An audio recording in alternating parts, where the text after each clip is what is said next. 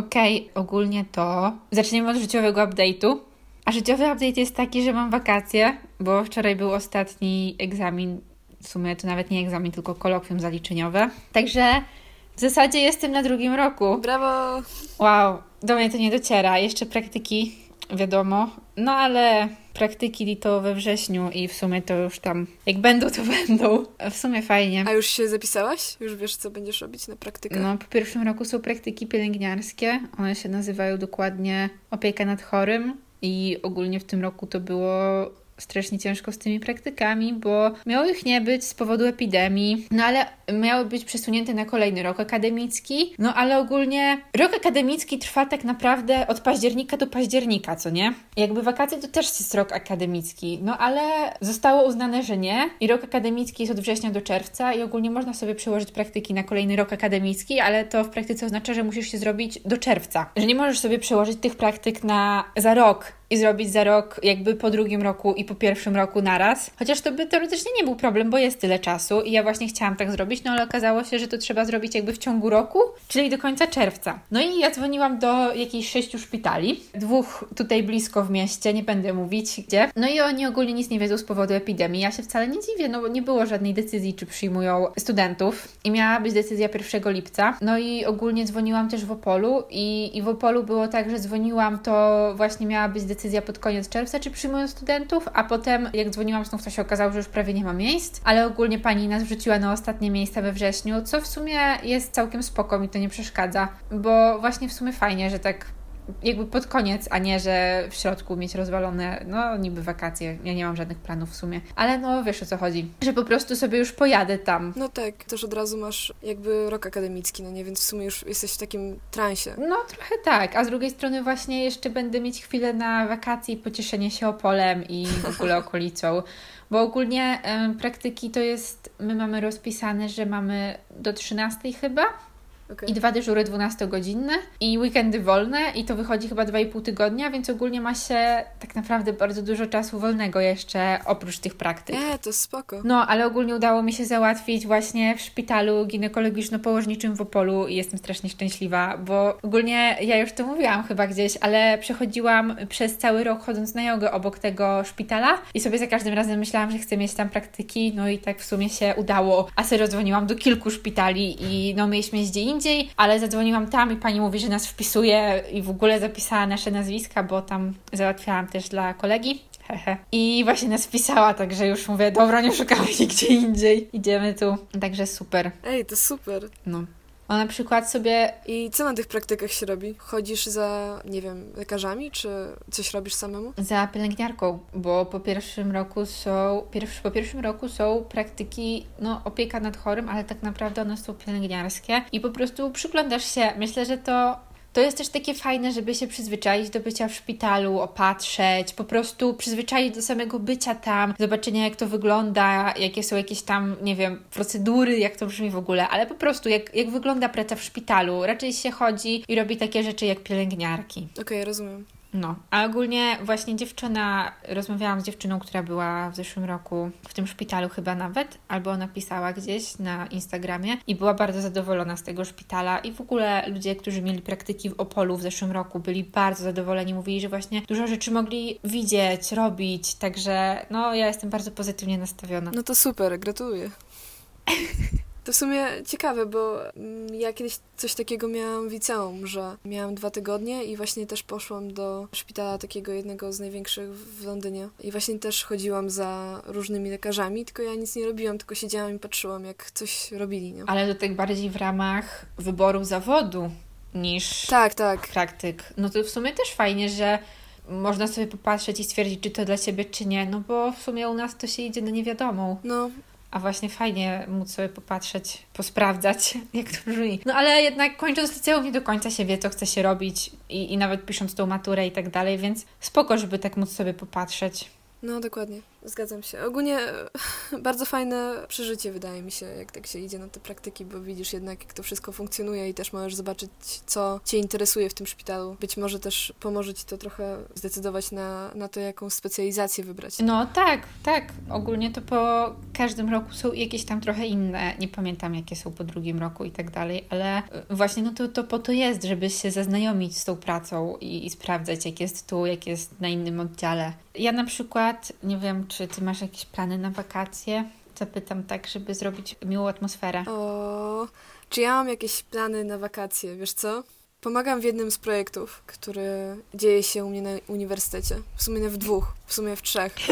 W trzech projektach pomagam jakby w dwóch jestem jakby uczestnikiem, a w jednym jestem trochę takim pomagaczem, bo w nim uczestniczyłam w tamtym roku. Więc w tym roku poprosili nas, żebyśmy pomogli temu rokowi, co jest w tej chwili jakby robi właśnie ten konkurs, e, żeby coś, coś więcej w tym roku jeszcze zdobyć. Więc to są moje plany, po prostu projekty, bo aktualnie się nie ruszam nigdzie, a tu też nie ma jakichś... Nie, no wiadomo, że nigdzie nie można, ale tak właśnie. No, dokładnie, więc nie wiadomo wiem. przez co. Ja właśnie chciałam jakoś tak w te wakacje się odciąć bardzo, ale ogólnie to ja się ciągle stresuję i ciągle już myślę o październiku i tak dalej. Także mój mózg nie umie się wyłączyć, przestawić na tryb wakacyjny, ale właśnie chciałam sobie porobić dużo takich rzeczy, których tak dawno nie robiłam, jak właśnie jakieś kolorowanki albo czytanie książek, bo mi się w ogóle nie chce czytać. Przecież, no nie wiem, chcę mi się czytać, znaczy nie chce mi się czytać, bo czytam ogólnie tylko podręczniki i potem chcę odpocząć. Tak, wiem o czym, o czym no. mówisz. Ja też miałam tak, że w trakcie, w trakcie roku w ogóle nie chce mi się czytać, nie? No właśnie, myślę, że to nie, nie, nie tylko Natomiast my. Jak skończyłam, to takie, uuu, książki, czas jeść. No właśnie, jak masz chwilę, to wolisz zrobić co innego. Ja próbuję się właśnie wkręcić znowu w to, bo jakoś, nie wiem, ciężko mi idzie. Jak zaczniesz czytać tą pierwszą książkę, to już potem pójdzie jak po No właśnie, mam nadzieję, że się przestawię na ten tryb wakacyjny zaraz i, i będzie mi jakoś łatwiej. Wczoraj też w ramach wakacji od razu robiłam hennę na włosy, a ja nie umiem w hennę i mi w ogóle nie łapie kolor chyba i nie wiem, może ktoś, kto nas słucha umie w hennę, to może do mnie napisać. Chętnie przyjmę jakąś poradę bo ogólnie henna farbuje włosy na rudo i ja zawsze chciałam spróbować właśnie z takimi ziołowymi farbami, ale i w ogóle ziołowania w ramach włosingu, ale coś mi to nie idzie. Wczoraj nakładałam to sama, no bo nie ma mi kto nałożyć. I ja mam krótkie włosy, no bo do ramion. I to tak, że nawet mi nie dotykają ramion, a zajęło mi to z 20 minut albo nawet więcej. I serio się starałam, ale ja po połowie głowy nałożono, to już jestem cała mokra i po prostu taka zła, że muszę to nakładać dalej. I, i czekam, aż mi ktoś w końcu nałoży. Może też przez to nie łapiesz, że ja nie nakładam do końca dobrze, wiesz, jakoś za mało albo niedokładnie czy coś. I tak mnie ręce bolą po tych dwudziestu paru minutach. No. A Także próbowałaś ja... się mamy zapytać na przykład, żeby ci pomogła? Tak, mama powiedziała, że nie będzie tego robić, bo będzie potem cała brudna i w ogóle. Aha. No. Nagle jestem skazana na siebie. Po małym wstępie możemy przejść do odcinka. Koniec dygresji.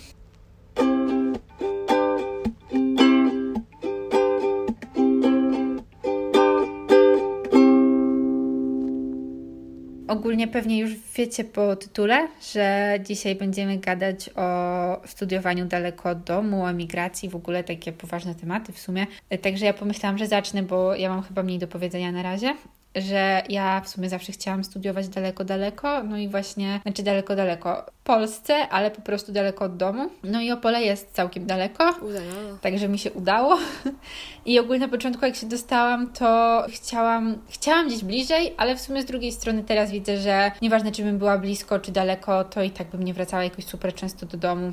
Chcesz się podzielić marzeniem, które miałeś? A jakie miałam marzenie? Żebyś studiowała w mieście, które ma bardzo ładną starówkę i ma rzekę. Tak, tak, tak. Miała być rzeka i rynek starówka. Także ja zawsze myślałam o Krakowie, bo ogólnie kocham Kraków, ale Opole wygląda jak taki mini Kraków, także w sumie się spełniło i rzeka też jest. Wspomniałam o tym, przypomniałaś mi. No widzisz? Jestem twoim drugim mózgiem. Tak, marzenia się spełniają, słuchajcie. I właśnie mózg ma serio, to moja mama zawsze mówi, i to jest jak ta, ta książka jest taka, nie? Potęga podświadomości, okay. że jak coś powtarzasz sobie i cały czas o tym myślisz, to to się serio przydarza. Tak samo jak z tym szpitalem. I właśnie tutaj, o, że miasto daleko, z rzeką i, i starówką, rynkiem. I się spełnia. Także trzeba uważać, co się myśli. Także ja mieszkam daleko i w sumie mówię, jakbym mieszkała blisko, to myślę, że byłoby podobnie, bo jak już się jest na studiach, to się jest bardzo wkręconym w te studia i jakby nie chce się co tydzień, znaczy są takie osoby, ja nie mówię, że nie i jak ktoś tak chce, to spoko, ale mówię o sobie, że ja patrząc po sobie, nie chciałabym się co tydzień odrywać na weekend i wracać do domu, bo byłoby mi ciężko na pewno i się zabrać za cokolwiek w domu, uczyć się w domu, myśleć o, o uczelni i tak dalej. I tak w ogóle czułabym się taka wybijana z rytmu co tydzień bardzo. Oddaję y, pałeczkę Tobie, Marto. A pytanie, pytanie do Ciebie jeszcze, tak jak już jesteśmy przy Tobie. To co myślisz było najtrudniejsze dla Ciebie, jak się przeprowadziłaś jakby życie samemu? Co, co było Twoim największym wyzwaniem dla Ciebie? Hmm. W sumie, hmm, że serio wszystko robisz samemu i nawet jak mieszkasz z innymi ludźmi, to tak jakby jesteś bardzo sam, bo nikt ci nie zrobi prania, nikt ci nie zrobi zakupów. Jak chcesz coś zjeść, to musisz o tym pomyśleć wcześniej i sobie to kupić. I w ogóle chciałam to trochę później poruszyć o takim ogólnym życiu samemu, e, że właśnie wszystko sobie musisz tak jakby przemyśleć, zaplanować samemu i że serio jest dużo takich rzeczy strasznie w domu, których się nie wie i właśnie się śmiałyśmy nawet z dziewczynami, że ciągle jest tylko mamo, a tę bluzkę to jak prać? Albo y, wiesz, mamo, a, a tę czarną z tą granatową mogę, czy się popsują? I że ogólnie jest dużo takich rzeczy serio, których się nie ogarnia.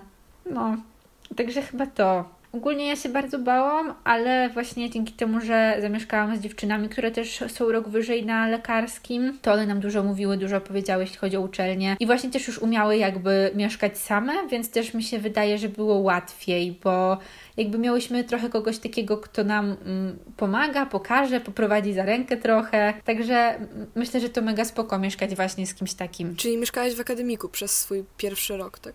Nie, nie, w mieszkaniu. Aha, ale jakby. Ale z dziewczynami, właśnie, które są rok wyżej, no i w pokoju z dziewczyną z mojego roku.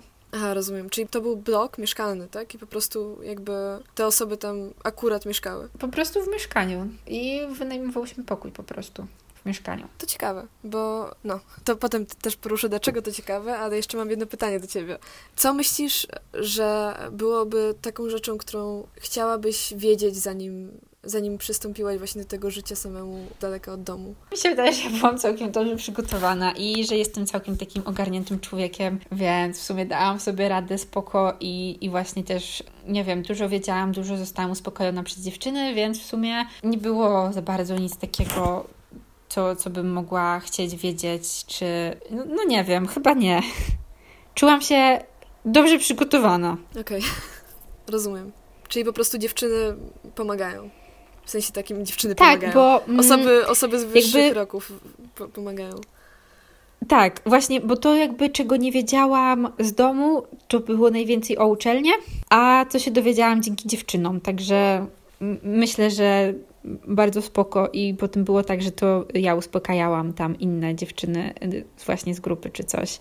dzięki temu, że wiedziałam od tych starszych.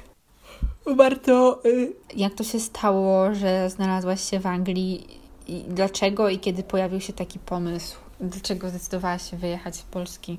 Uuu, Okej, okay, no to tak. Wyjechałam z Polski, jak miałam 16 lat. Nie przeprowadziłam się z rodzicami, więc byłam w sumie od 16 roku życia. No powiedzmy, mieszkałam sama, ale nie mieszkałam do końca sama, bo mieszkałam w akademiku i moja szkoła była szkołą, która miała akademik na swoich gruntach, więc tak naprawdę wstawałam rano i miałam 5 kroków do mojej klasy.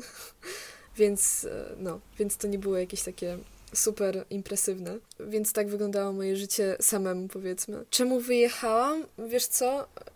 Ty mnie znasz od dawna i wiesz, że zawsze byłam trochę... Miałam fiziu-miziu na punkcie Anglii, na punkcie angielskiego. Mhm. No, więc jakby, nie wiem, gdzieś w głębi serca, mimo tego, że byłam jakimś małym takim brzdącem, gdzieś tam miałam 8 lat, zawsze byłam super zafascynowana Jamesem Bondem i jeszcze przedtem cerzami Okrągłego Stołu. I potem jakby w to wchodziłam i wchodziłam i bardzo to lubiłam. Potem czytałam historię Anglii, miałam taką grubą książkę i bardziej byłam zainteresowana historią Anglii w pewnym momencie niż Polski, co jest trochę smutne, ale jakby nie wiem czemu. Miałam do tego pociąg straszny. I potem po prostu, to, to jest śmieszne, ale ten moment, kiedy zdecydowałam się, że będę naukę angielskiego trochę bardziej poważnie brać do siebie i to było wtedy, kiedy zorientowałam się po pewnym filmie właśnie Jamesa Bonda, to był z Piersem Brosnanem, wspaniały aktor, naprawdę.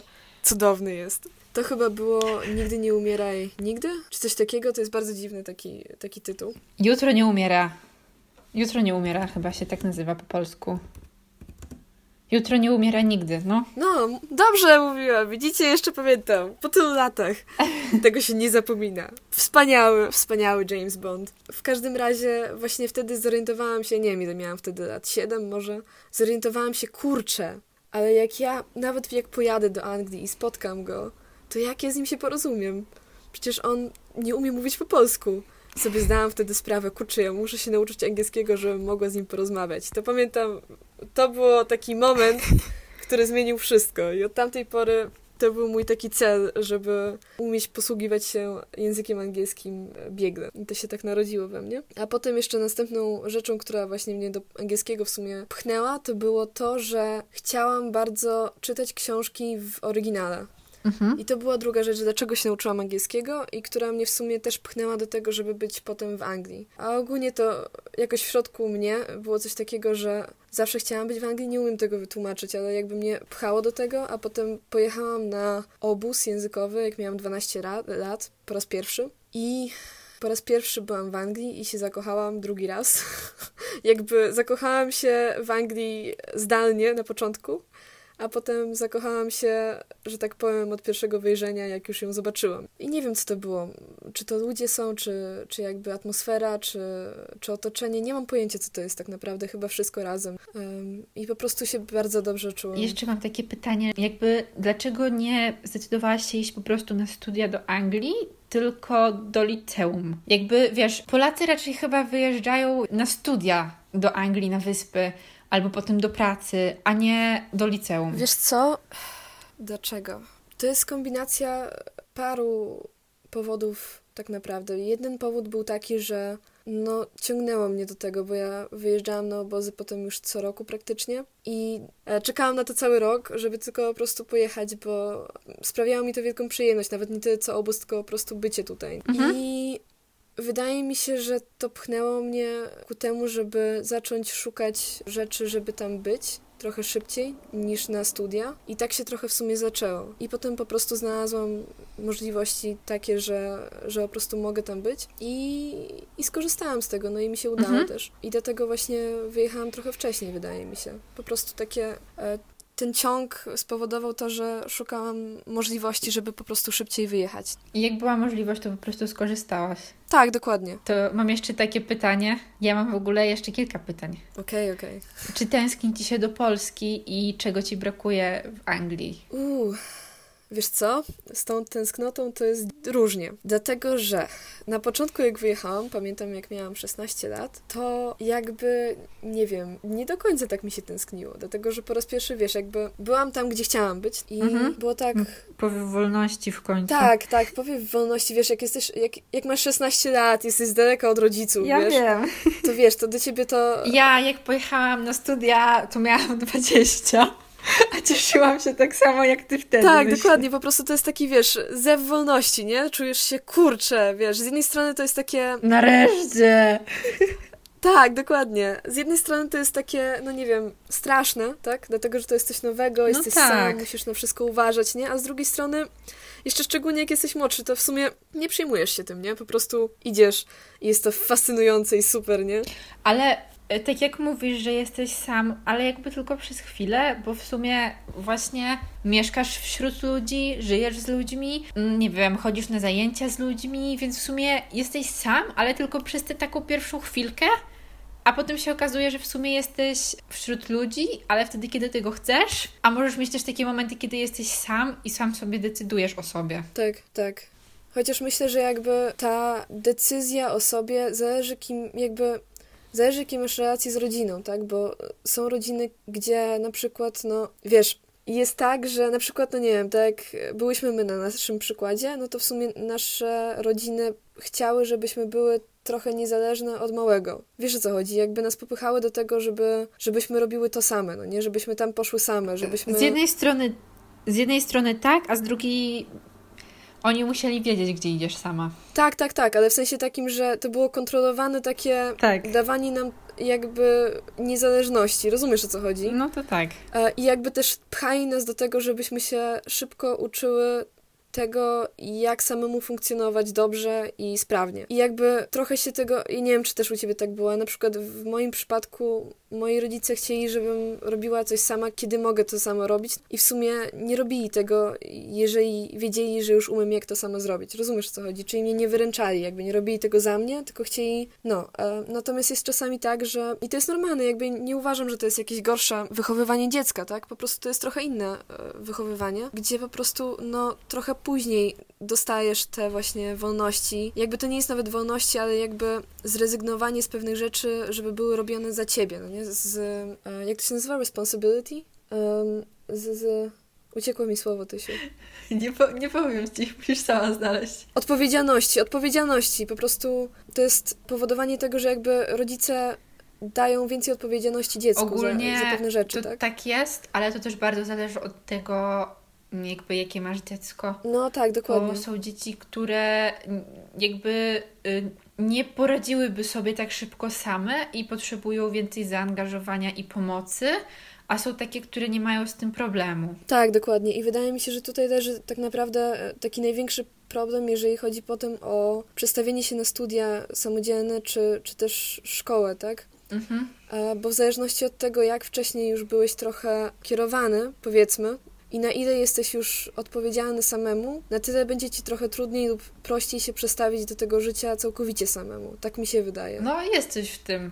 W sensie zawsze ma się w głowie takiego mamin synka, nie? Co nawet mamusia mu kanapki robi do pracy. Dokładnie, dokładnie. No to taki człowiek nie jest w stanie sam żyć. Więc wydaje mi się, że to, to bardziej od tego zależy, nie? Czy to jest trudne przestawić się? To właśnie jest trudne w zależności od tego, jak jesteś przyzwyczajony do tego, ile masz odpowiedzialności i obowiązków. Na pewno zawsze jest właśnie trudne i emocjonalne, ale ogólnie da się w tym odnaleźć.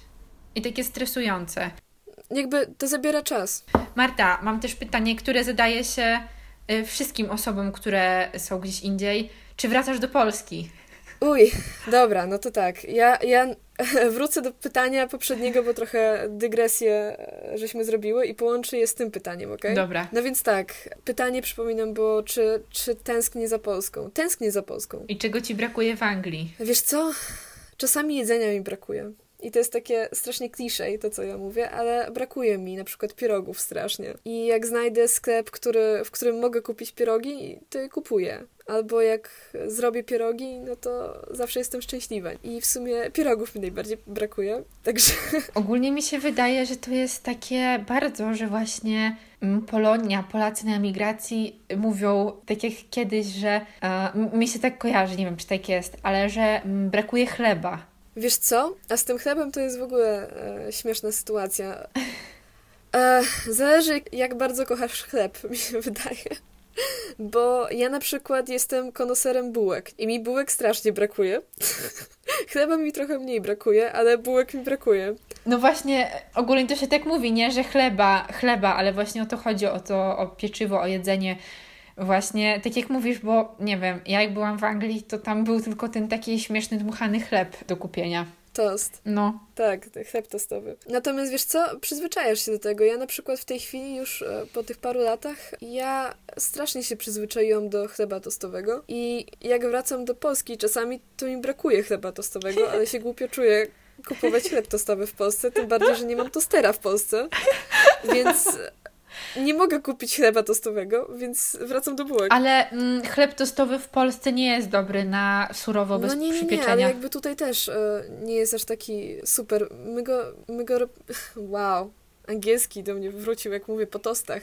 My go wkładamy do tostera też. Jakby nie, nie, nie jemy go na surowo. Aha. To jest bardzo, nie wiem, nie znam żadnej osoby, która go je na surowo. Nie jadłam na surowo, bo nie było innego chleba Aha, w sklepie. Okej.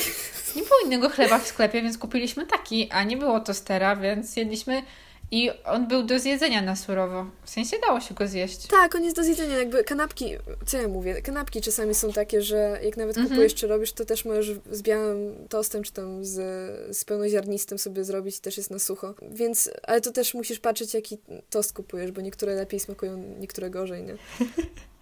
No, Ale to teraz... Jakby nie wiem, czasami ja lubię taką strukturę tego tosta, że jest taki chrupiący i taki trochę czerstwy, wiesz, jakby po bokach i jest taki mięciucieńki w środku, jakby nie wiem, to jest takie, takie fajne. Wolę, wolę to od, od chleba w sumie tą miękkość y, chemiczną. No, Marta, ostatnie pytanie. A, sorry, sorry, sorry, bo tak, takie dygresje robimy testowe. Dobra.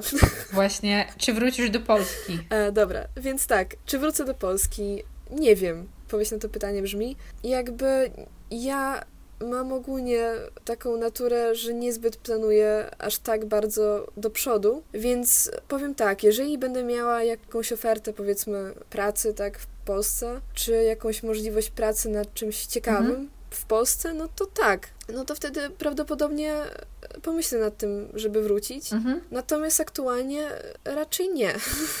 Może tak. Mm, znaczy, wiesz, ja się tak śmieję z tego pytania, bo w sumie nie wiem, no, wracasz no do wiem, Polski. Rozumiem, rozumiem, rozumiem. Ale jakby też trochę myślę, że nie po to się wyjeżdża tam na, do liceum i na studia, żeby potem wracać do Polski. I właśnie y, tak jak mówisz, takie podejście, że jeśli dostaniesz jakąś fajną ofertę, to po prostu wrócisz dlatego, że będziesz mieć fajną ofertę, a nie, że wrócisz dlatego, że Polska no, tęsknie coś tam i tak bardzo chcesz wrócić do samego powrotu. Znaczy, wiesz co, czasami powiem tak, jeżeli chodzi o te właśnie takie ciągoty do Polski, ja je mam. Czasami na przykład bardzo silne to było w tamte wakacje, e, kiedy byłam trochę utkwiona w moim mieście studenckim i robiłam właśnie projekt i nie mogłam wrócić, bo byłam po prostu, jakby ten projekt był bardzo taki intensywny i musieliśmy tutaj być cały czas, bo było też z laboratorium. E, w każdym razie miałam w pewnym momencie taki ciągot do Polski, że strasznie chciałam wrócić i chociaż na chwilę po prostu, nie wiem, pochodzić po Warszawie, czy,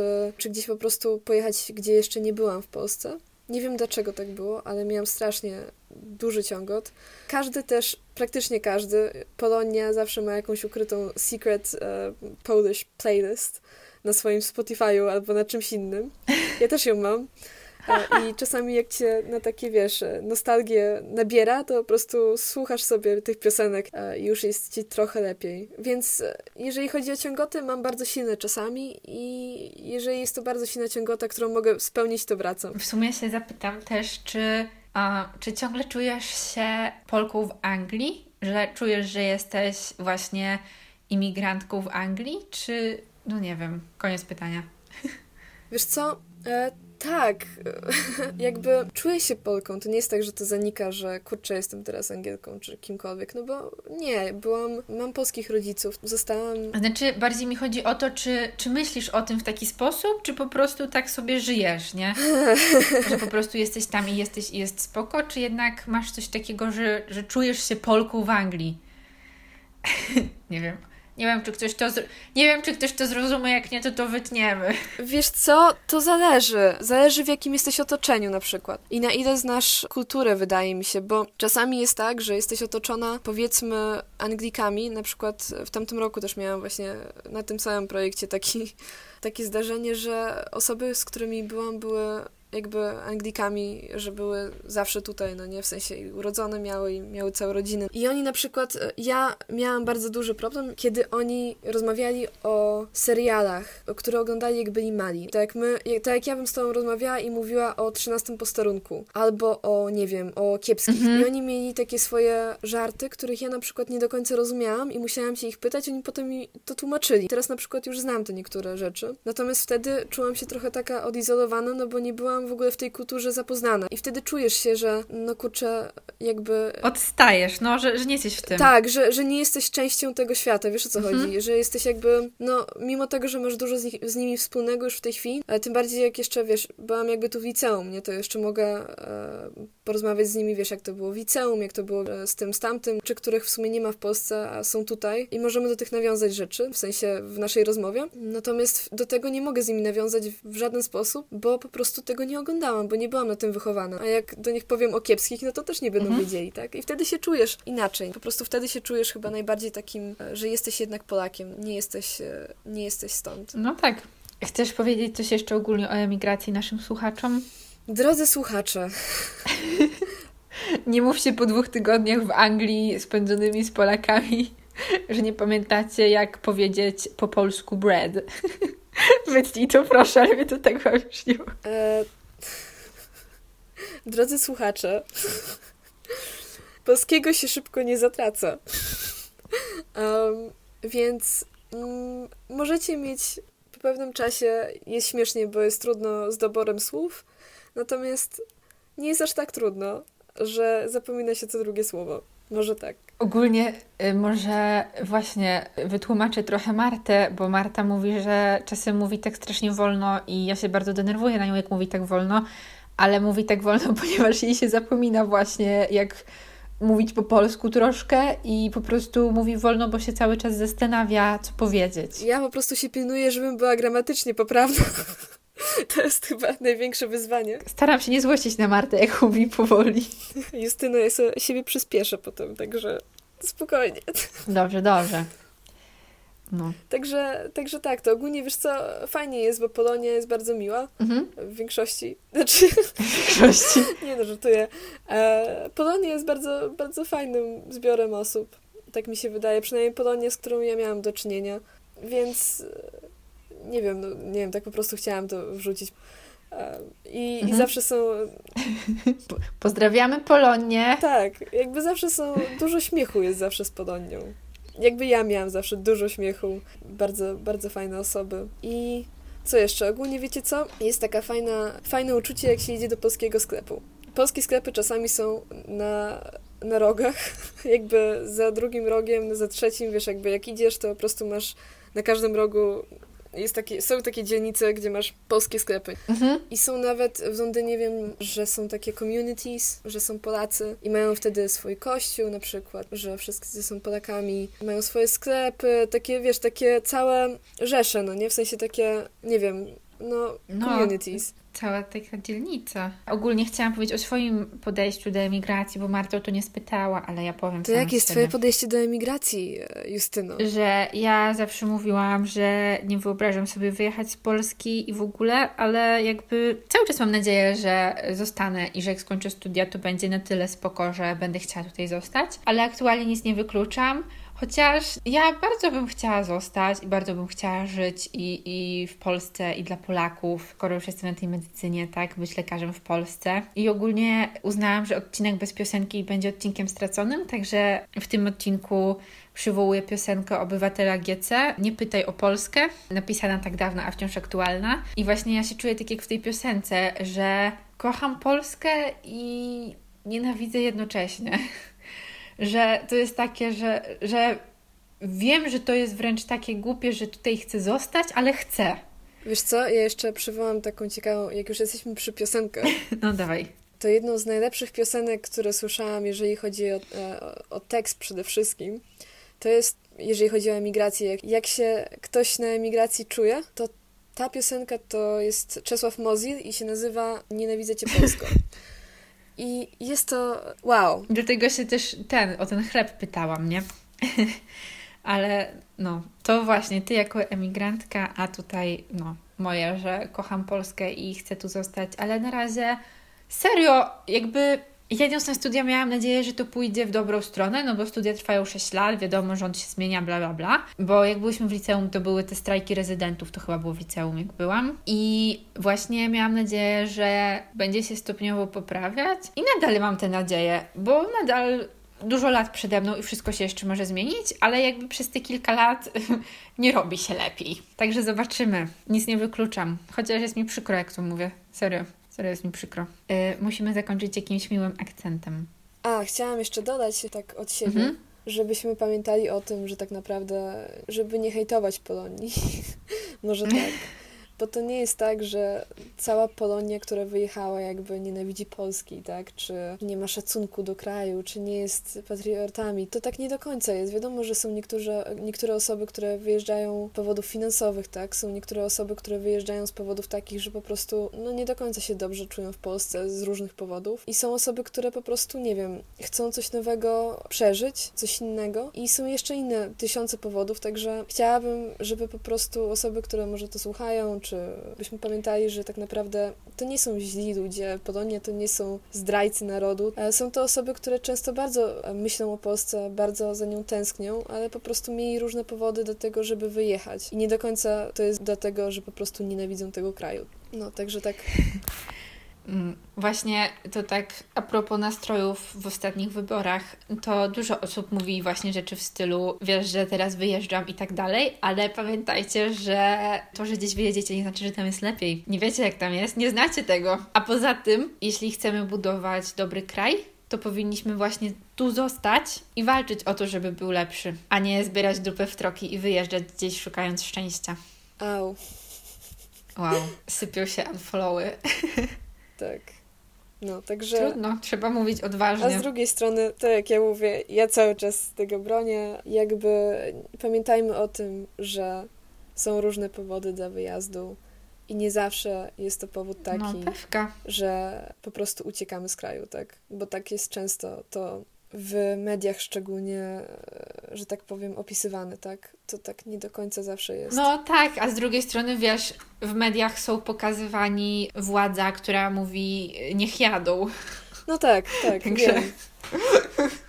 Co ja tu jeszcze robię? Nie no, śmieję się trochę. Tak, tak, wiem. Także, no. Nie, nie, Polonia nie jest zła, okej. Okay. i nie wszyscy, którzy wyjeżdżają, są źli i nie wszyscy, którzy wyjeżdżają, mają na kraj, że tak powiem, wydmuchane. Także... No właśnie, niestety nie zawsze jest tak, że wiemy o kimś wszystko i jakby musimy się bardzo stawiać w jego sytuacji, żeby zrozumieć, a czasem i to nam nie pozwala.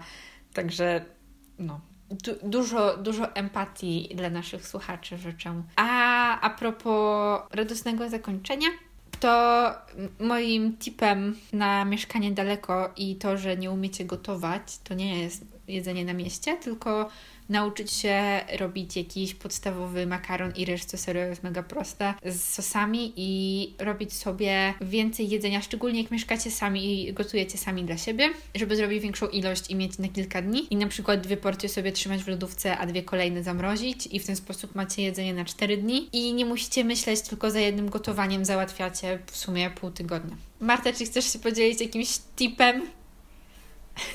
E, wiesz co? Jak nie lubisz gotować, nie masz na to czasu. I to jeszcze jest taki tip pod tytułem spróbuj poszukać taniej stołówki. e, jakby czasami da się znaleźć bardzo dobre jedzenie, znaczy bardzo dobre, dobre jedzenie za niską cenę. To zależy, zależy gdzie, od miasta. Ale możesz zawsze spróbować, tak? Uważam, że to jest zawsze ważne, żeby po prostu trochę wyszukać też czasami, bo możesz trafić na blisko. No w Opolu akurat nie ma jakiegoś takiego super taniego, ale ogólnie są e, stołówki na no, uczelniach, także... także... Jak, jakby jest to no. dość taka atrakcyjna, powiedzmy, mhm. cena dla Ciebie i uważasz, że byłoby Ci lepiej... Dzięki Marta. Dzięki, że podważasz moje wskazówki dla naszych słuchaczy. Dzięki. Dzięki, że podważasz moje wskazówki. Ej, no wiesz, po prostu proponuję e, inne rozwiązanie.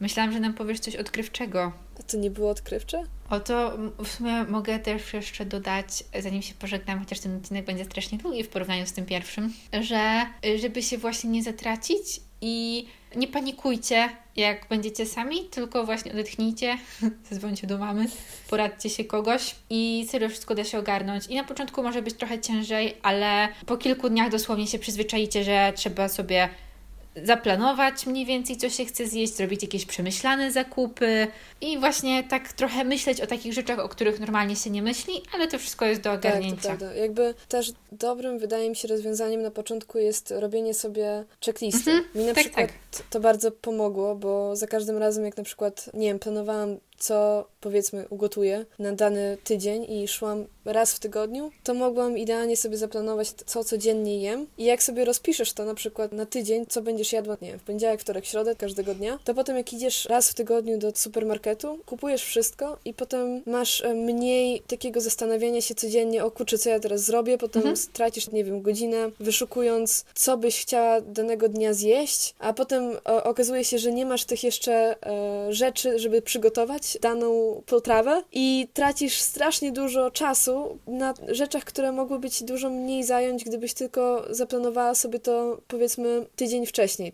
Mhm. Więc e, planowanie z góry i planowanie z góry i ustawianie sobie rzeczy jest bardzo, bardzo pomocne w pierwszych takich dniach i tygodniach uniwersytetu i potem mhm. to jest mhm. dobry nawyk.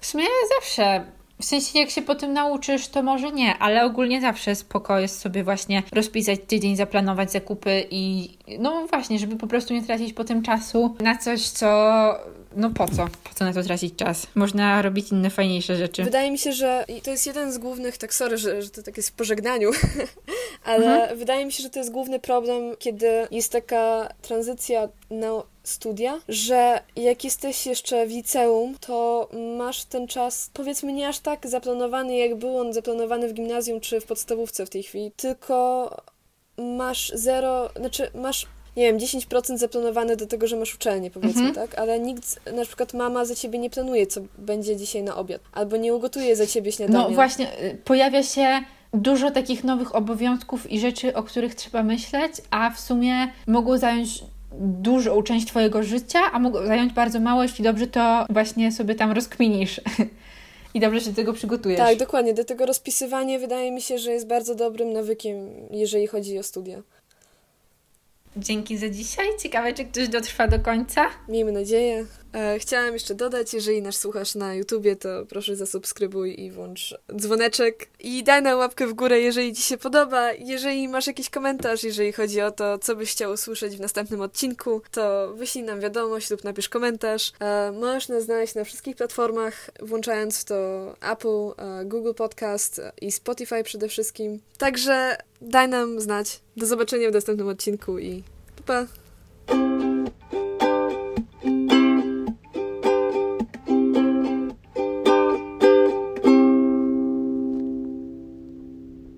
Czy to brzmiało dobrze? Jasny gwint, może zaraz znajdę. Ale ciągam nos. Tęsknię za Polską. Zaraz, za, za, a widzisz, papier i długopis. Papier i długopis nigdy nie zawiodą.